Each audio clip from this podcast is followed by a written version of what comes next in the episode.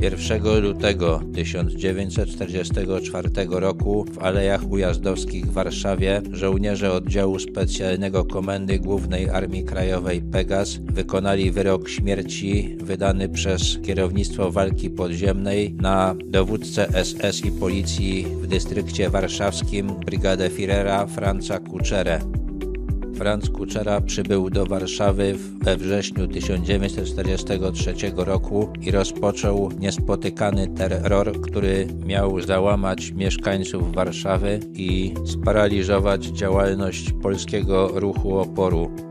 Aby to osiągnąć, zainicjował akcję łapanek ulicznych. Polacy ujęci w nich byli skazywani na śmierć przez tak zwane policyjne sądy doraźne.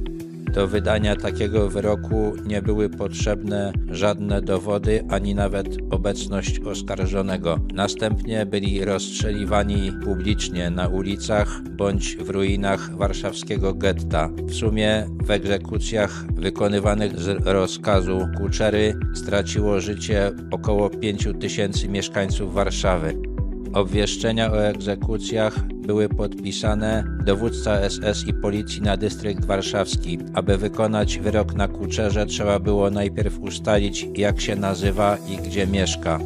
Zabito go, gdy jechał do pracy. Akcję przeprowadzono w pobliżu siedziby warszawskiego gestapo oraz komend Policji Porządkowej i Policji Kryminalnej. Po wykonaniu wyroku doszło do strzelaniny z Niemcami. Zginęło w sumie pięciu Niemców i czterech żołnierzy Pegaza, w tym dowodzący akcją Bronisław Pietraszewicz Lot.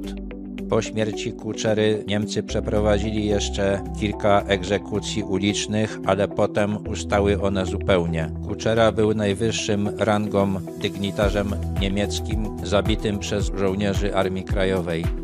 Oddział Pegas został przemianowany na batalion Parasol i pod tą nazwą brał udział w powstaniu warszawskim.